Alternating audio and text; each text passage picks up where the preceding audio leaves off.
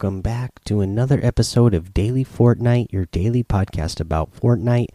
I'm your host, Mikey, aka Mike Daddy, aka Magnificent Mikey.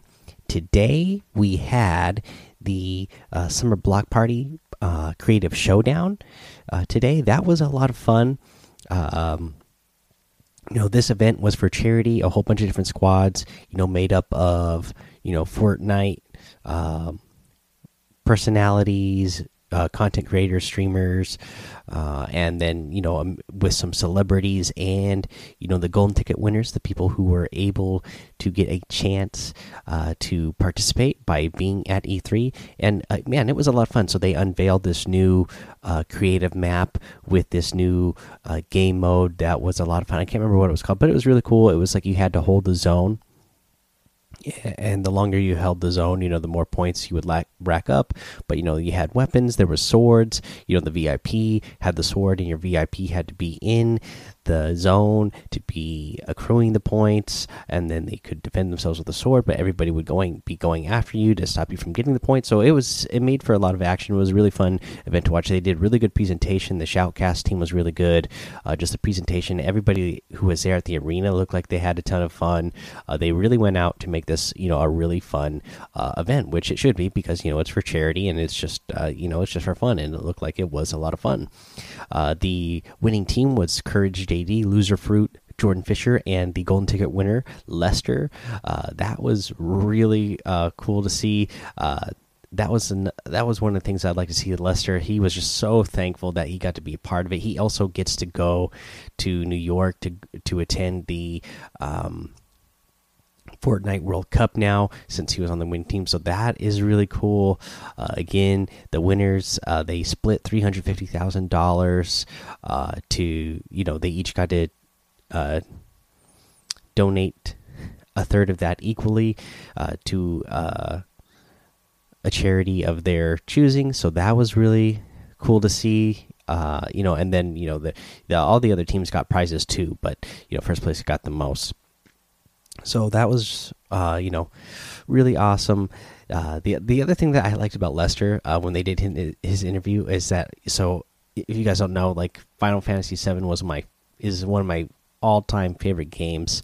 Uh, you know, just at the time that I played it, I was like, er, I was really young, but uh, you know, I've been gaming all my life, and for me, that was like, you know, because it came out on original PlayStation, it was it was you know it was a game that was a game changer for me that it totally uh, changed what I thought games could be and storytelling that could happen in games and it just made me love games that much more. So i love that lester has a son named cloud which he named after cloud from final fantasy 7 thought that was really awesome and, and just again that he was so uh, grateful and thankful that he was got he got to be a part of this. So that was really fun to see uh, but yeah, that's all the real news I got for you today. That was really fun. You know, they've been having that uh, the block party there over at a at E3, and it's been looking like they've been having a lot of fun with all the different events that are going on there.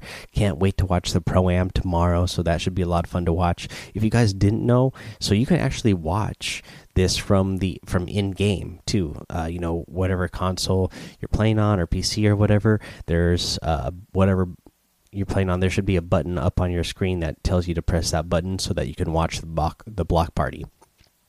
And uh, uh, I thought it was kind of cool. There was like a little like waiting screen when you go there, and you could play like this game while you're watching, or you could just make it up on the big screen and just watch the thing. Uh, so that that was fun too. Yeah, I didn't play for very long, so I didn't get a very high score, but uh, it was cool. It's kind of it was almost kind of like a Space Invader uh, type of game. Uh, anyways, let's move on to a week six challenge tip. And uh, for the one I'm going to cover, it's to deal damage to a vehicle driven by an opponent. Uh, you have to do 200 damage total. Now, uh, you might have to do a couple different vehicles because again, the ballers only have 150 health now. So if you're, you know, if you're shooting at somebody with ballers, uh, you're not going to be able to get it done with just that one that one vehicle there. So what I would suggest doing though is definitely head to areas with ballers that are hot drops uh, just because there might be people trying to go there and get the balls and then try to land there first. Don't go for a ball though. Go for uh, you know try to land in you know whichever uh, outpost you're closest to when you have the hot drop try to get into the into the outpost first and pick up a weapon and hopefully that you're able to pick up a weapon and come back out quick enough to shoot somebody who's uh, or shoot the vehicle the baller that somebody's trying to get into. And then uh you know yeah that that's the only thing i can really suggest is just to land in the areas where there's vehicles and then wherever there's you know vehicles that you know there's plenty of them.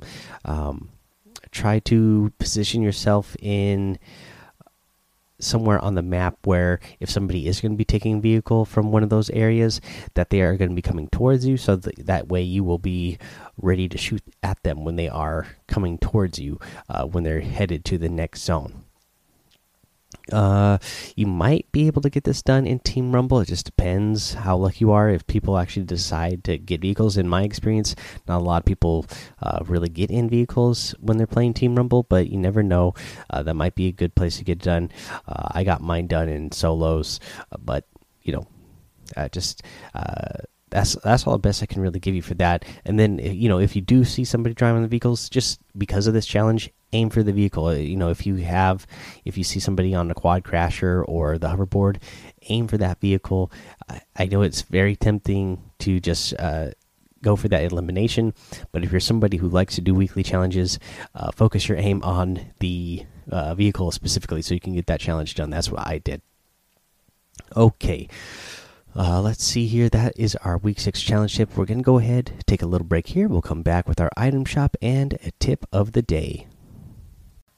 All right, let's go over what is in today's item shop. I already got a couple of the items in today's item shop.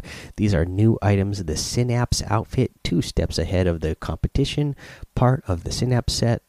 Uh, you get the holo pack with this one as well, holographically enhanced battle bag. Uh, this also has two different styles. It's got uh, just the normal style, and then uh, which is like a black and white and purple color scheme, and then you get another one that is a black, white, and green color scheme. That is the other style that you get with that one. Uh, again, I already got this one. I liked it a lot. Went ahead and got it. Also, I went ahead and got this the Hex Wave Wrap. Show your style, part of the Synapse set as well. I really like this because uh, it's got that you know it's got an animation uh, for this one as well where you know it's like purple white and uh, then it's got like this blue uh, streak that goes across your weapon which looks really cool in my opinion. Uh, the other items that we got in here today the battle hound outfit. Uh, you get the silver fang harvesting tool as well.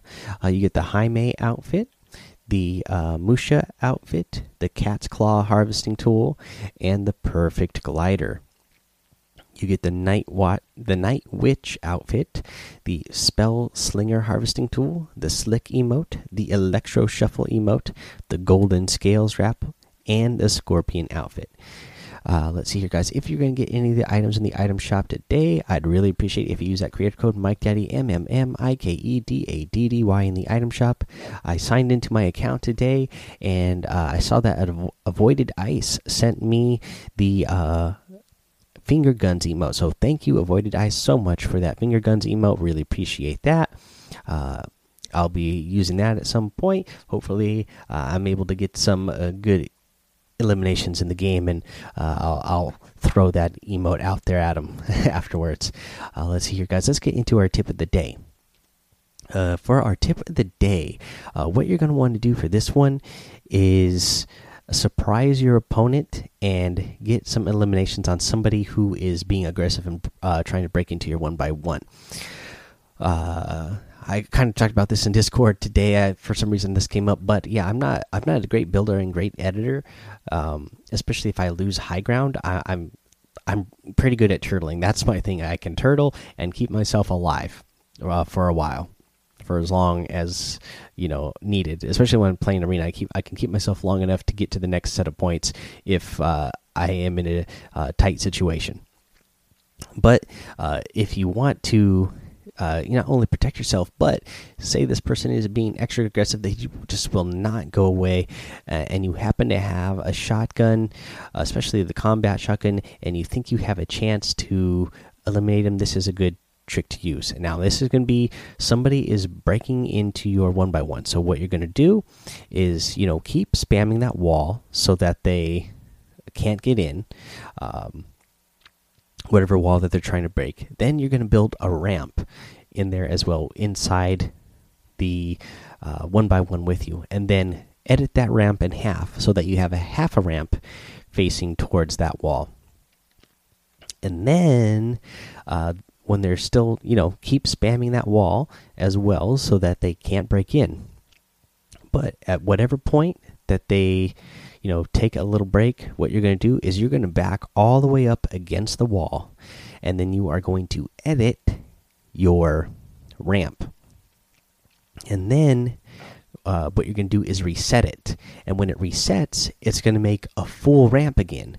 But because you are standing inside of it, uh, it's you're actually going to be phasing through your ramp at that point. You're still going to see reticle pointing out as well, so you'll be able to see where you're aiming. Your opponent is going to think that you are, you know, on the other side of the ramp because they see that you edited they edited the ramp. So they think this is their chance to break into your one by one, and then they're going to try to break your your stair and then eliminate you. But you have the advantage now.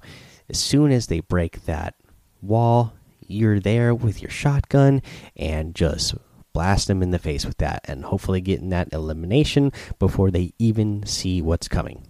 Alrighty, guys, that is your tip for the day.